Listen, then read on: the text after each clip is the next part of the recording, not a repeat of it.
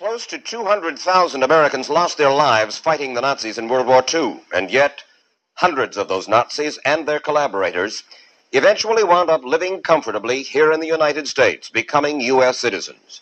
How did it happen?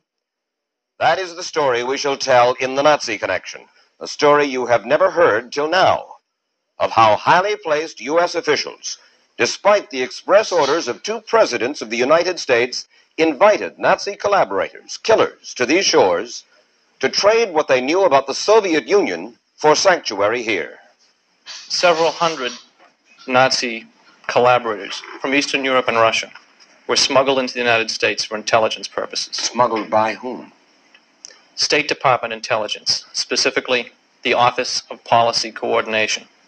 It was the first covert spy agency set up in the United States. It predated the CIA by several months. Who is this man making these charges, and what gives him the right to say what he has just said? His name is John Loftus, and for two years he was a prosecutor with the Office of Special Investigations in the Department of Justice, responsible for weeding Nazis and Nazi collaborators out of the United States. His security clearance went three levels above top secret.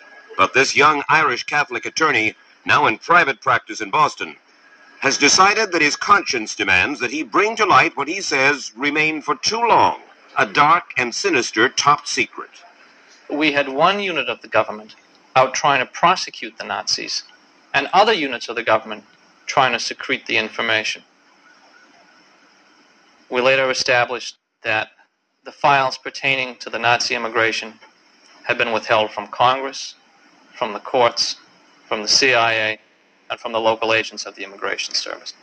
Didn't President Roosevelt, didn't President Truman say specifically that war criminals were not to be brought into the country? That's absolutely true.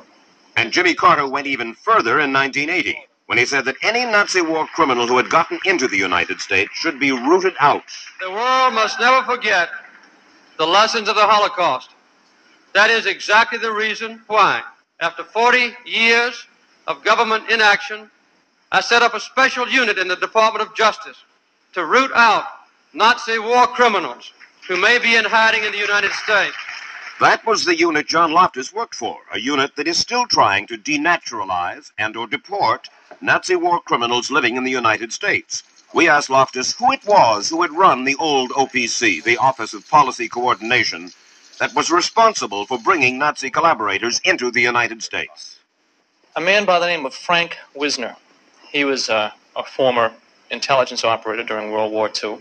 With the OSS? That's correct. His boss was Allen Dulles in Germany. The Office of Strategic Services, was it called? Yes, it was. Was there nobody in the State Department at a higher level who knew what was going on and, and okayed it? Did Frank Wisner have no boss?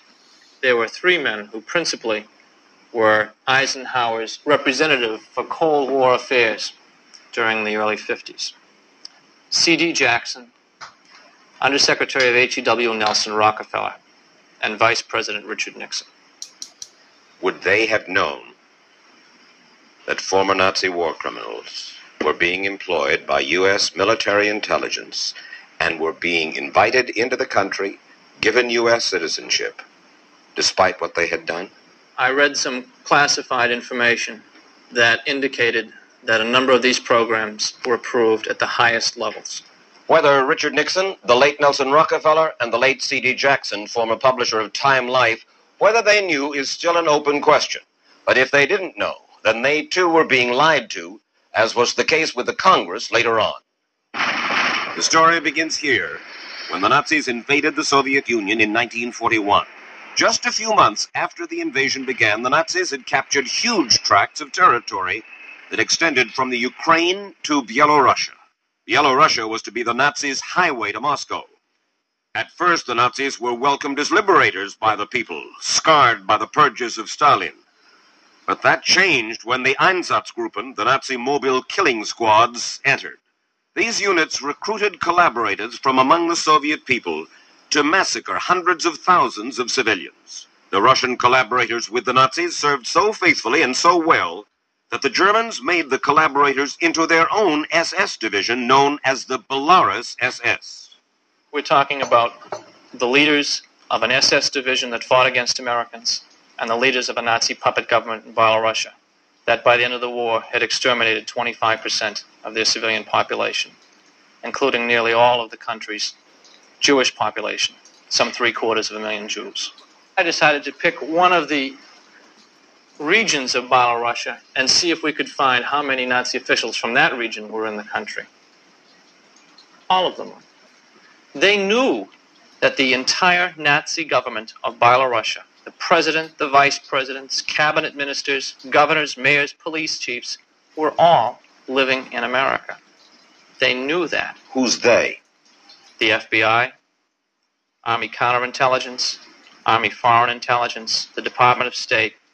They knew and they recruited them because they were Nazis. As early as 1946, the major espionage services of the United States and the Soviet Union were engaged in a clandestine conflict. The demand for intelligence was so great that a seller's market sprang up. Hundreds of former Nazis and Nazi collaborators found employment in one intelligence service or another. A few of the boldest worked for both sides. According to Loftus, emigres with intimate, if dated, knowledge of Eastern Europe and former Nazi intelligence officers competed to peddle fabricated reports to any intelligence service gullible enough to buy them. And OPC was a willing buyer. But I still want to make this clear. Did U.S. military intelligence know the kind of people they were bringing in? Beyond a shadow of a doubt. Shortly after being apprised of what Loftus had learned, Alan Ryan, head of the office Loftus worked in, sent a top secret report in October 1980 to then Attorney General Benjamin Civiletti saying that this was the single most important matter his office was engaged in. That report said, quote, It should be apparent that the matters discussed in this report are extremely sensitive, both because of the number of Belarusian Nazis who entered this country and the extent to which U.S. government agencies apparently assisted that entry, possibly in violation of the law. John Loftus also gave a set of classified documents on the matter to Massachusetts Congressman Barney Frank, of the House Subcommittee on Immigration. When you first heard this tale, Congressman Frank, what did you think? I thought it couldn't possibly be true. I thought it was the kind of thing that, that paranoid type people make up and, uh, and really wasn't true. To think that within a year or two, after discovering the death camps, that the top officials of the American government could have been working with, with, with butchers, uh, Nazi butchers, to kind of sneak them into the country. No, I didn't believe it. Are you convinced now the story's true? I'm convinced it's true. Yes. What has uh, convinced the documents, you? The documents I've read, uh, either someone has done, for purposes I couldn't fathom, the most massive set of forgeries in history, or uh, the, the documents uh, make it very clear. What documents have you seen, Congressman Frank, that convinced you? One that I have right here, which is a page on Emanuel Jasiuk, who was one of the Nazi leaders in Belarusia, who was guilty of the worst kinds of crimes, smuggled over here, allowed to become a citizen. What does it say? It says, for instance, that in approximately February 1942, he was appointed mayor of Stolce. Two months later, he was raised to the position of the head of the district of Stolce, which he held until 1944. People should understand that he was appointed to these positions in occupied Russia by the Nazis. By the German Nazis. By the German Nazis, and where he was, in fact, promoted because of his good work. What was his good work? His good work was to help, one, murder innocent Jewish people, two, to fight the Allies. Why was U.S. intelligence so interested in bringing these people into this country? What did these Belarusians have to offer? They convinced OPC and military intelligence to fund their operations, that they could provide the Americans with a secret army behind the Iron Curtain. It was a tragic lie. Every one of their operations had been penetrated by the Soviets. During the 1950s, according to Loftus, the OPC dropped Belarusians inside the Soviet Union by parachute. The parachute teams that were sent in had an astounding fatality rate. Nearly all the paratroopers were caught and killed within minutes after they landed. Ostensibly there to set up a network, to set up a, a listening post, a watching mm-hmm. post. Oh, there was more to it than that. The program was assassination. These, these were hit teams? That's correct. They were to start a civil war behind the Iron Curtain. Apparently, they were not very successful. On the contrary, it was a botch. It was worse than a botch. many of the Belarusians were later identified as having been double agents. They didn't have much difficulty. The Soviets had penetrated both the British and the German intelligence services.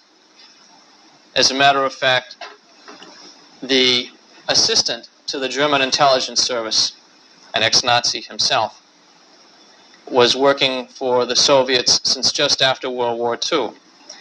He had access to virtually every NATO document and passed them all to the Soviet Union.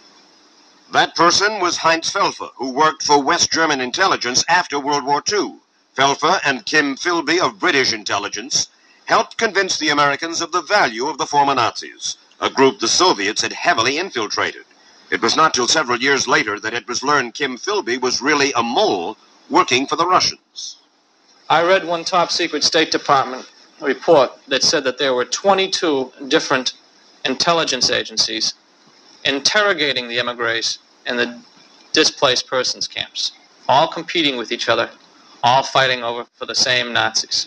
And that was part of the problem. No, it wasn't just one group bringing in these Nazis. They engaged in a competition, so they began to spy on each other. We seem to have had more intelligence agencies uh, than there were countries to spy on. Not only were Nazis brought to the United States, but U.S. military intelligence also sent a number of them to South American countries, according to Loftus. And we have learned that at least one South American country told the United States it refused to take any more Nazis. And I would say that as a conservative estimate, there are more than 300 Belarusian Nazis living in America today. Still alive. Still alive. Still operating American citizens. That's correct. Some are still working for the government. Some are working for quasi-governmental agencies like Radio Free Europe, Radio Liberty. William Kratch is New York bureau chief and Gene Sosin head of programming for Radio Liberty. Radio Free Europe, Radio Liberty was once funded by the CIA, is that correct? Yes, yes. How come? It would have been embarrassing uh, to admit that this was an official government function. Uh, the worst kept secret, of course, of the Cold War because the Soviets knew about it, but it was always possible to say on the diplomatic level, uh, this is a private organization and Crusade for Freedom, publicly supported. precisely. The Crusade for Freedom was the way most Americans learned about Radio Free Europe. Although money for it was solicited from the American people, Radio Free Europe was funded almost entirely by the CIA. Radio Free Europe broadcast the news to the Soviets and was also used to transmit secret messages behind the Iron Curtain. It would seem that the people who worked for Radio Free Europe, Radio Liberty, should be people, if you will, beyond reproach. Am I wrong? Like Caesar's wife. Right. Did you have a man named Stanislav Stankiewicz who worked here? Yes, he was a freelancer for a number of years with our Belarusian service. Who was Stanislav Stankiewicz? He was a Belarusian who received secret orders from the German SS to kill every Jew in his county. In order to save ammunition, they had the Jews lie on top of each other in two rows, and they shot through the bodies. The blood seeped up through the sand at the end of the day, and the ground was still quivering. So they had to post guards on top of the graves until everyone had suffocated. The worst part wasn't found out until after the war, when Soviet doctors conducted autopsies. They could find no bullet wounds on, on any of the infants. Apparently, the Belarusian police decided that the babies were too small to climb out of the grave, and so they wouldn't waste a bullet on them. They were buried alive. And this was done under the command of Stanislaus Stankiewicz. That's correct. Now, we've, we've heard tales, God help us, like this before. Question What happened to Stanislaus Stankiewicz?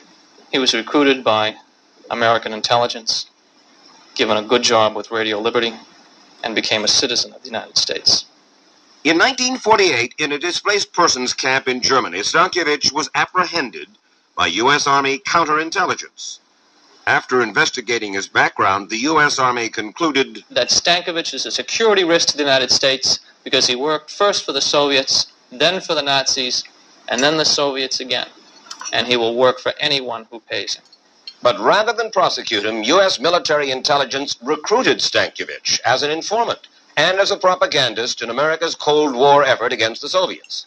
Stankiewicz was smuggled into America And he moved into this quiet Queens, New York neighborhood where he lived in relative obscurity for over 20 years until John Loftus began his investigation.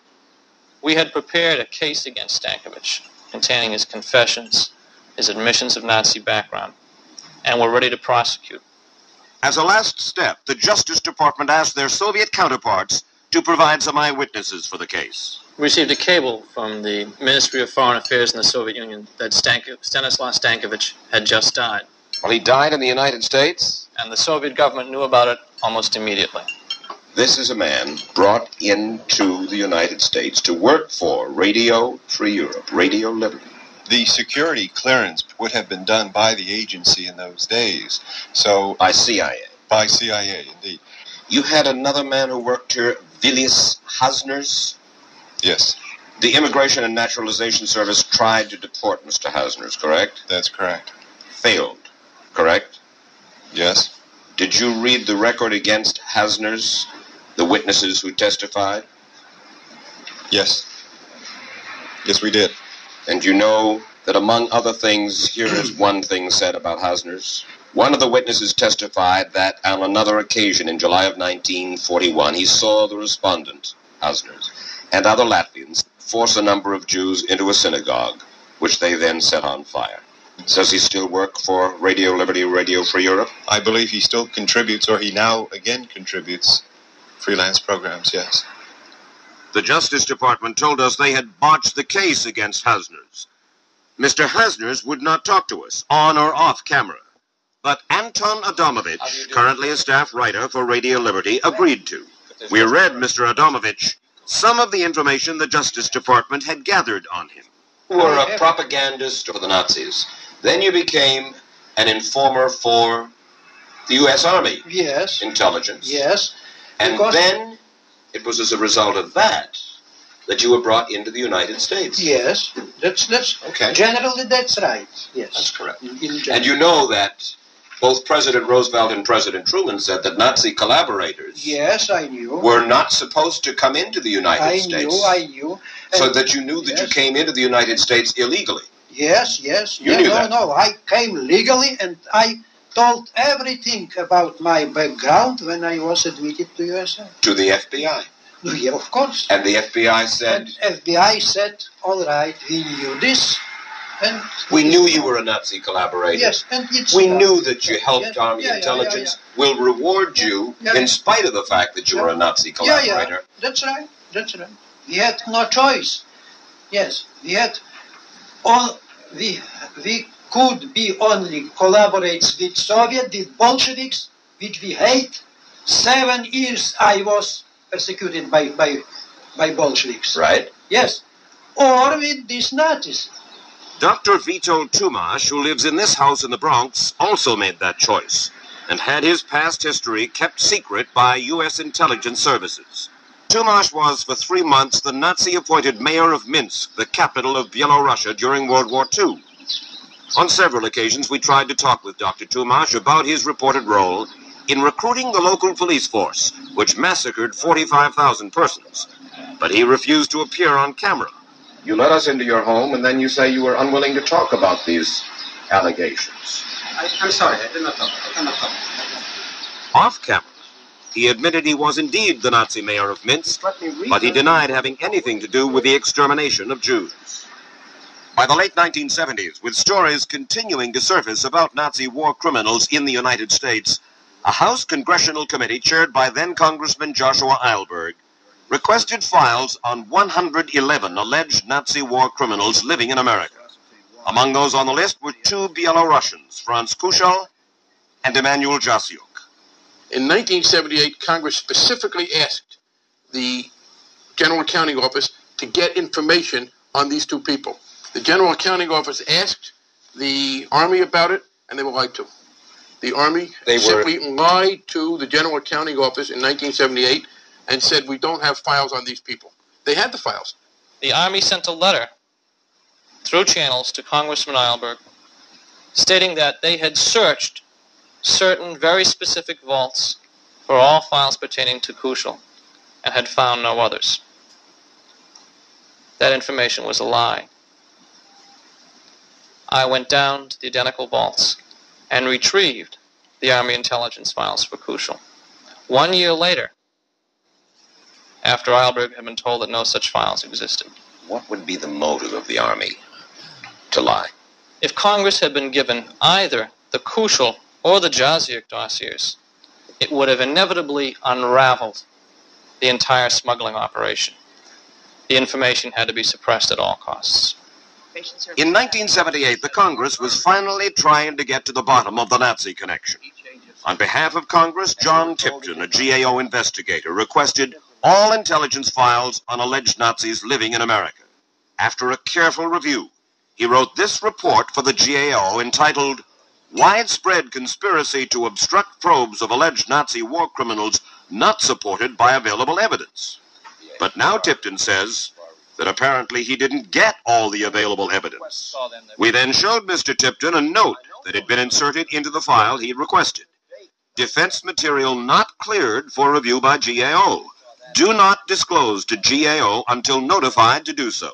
So the Department of Defense was covering up material that the Congress asked for concerning Nazi war criminals and their admission into the United States. Unless there's another reason for it. We then read to Mr. Tipton from the FBI file on Emmanuel Jasiuk, another file he had been told did not exist. Subject, name of the man that we're talking about, who was allegedly a war criminal and caused deaths of people in Poland, now resides, gives his address, Passaic, New Jersey.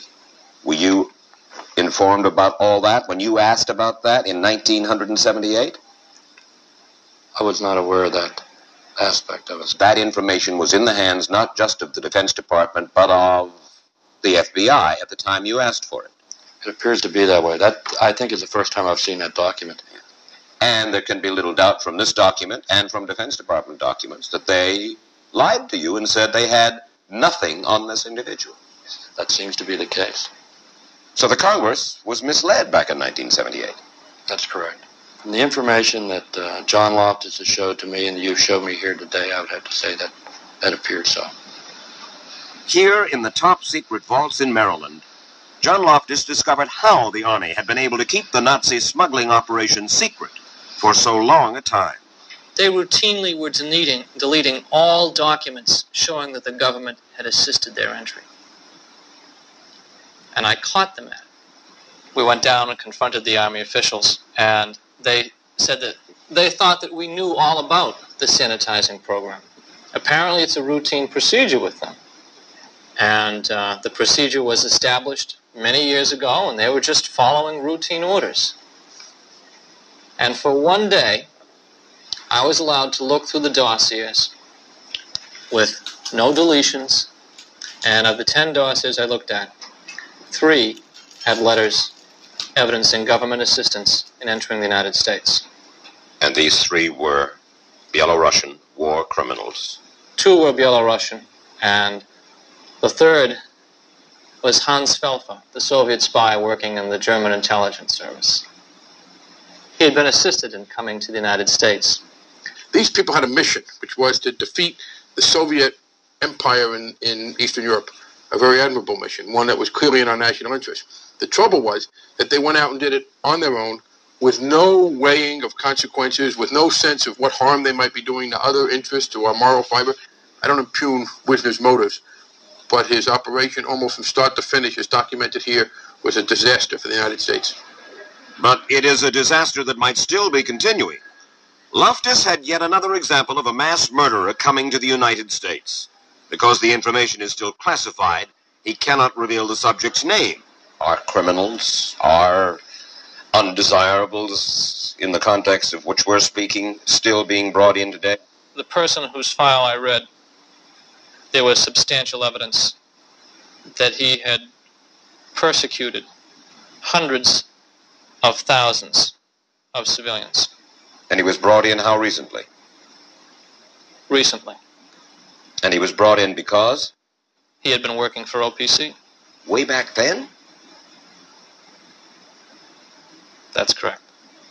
Someplace along the line, I get the feeling that you got rather frustrated by your experience in Washington at the Office of Special Investigations and inside the Department of Justice. Very much so.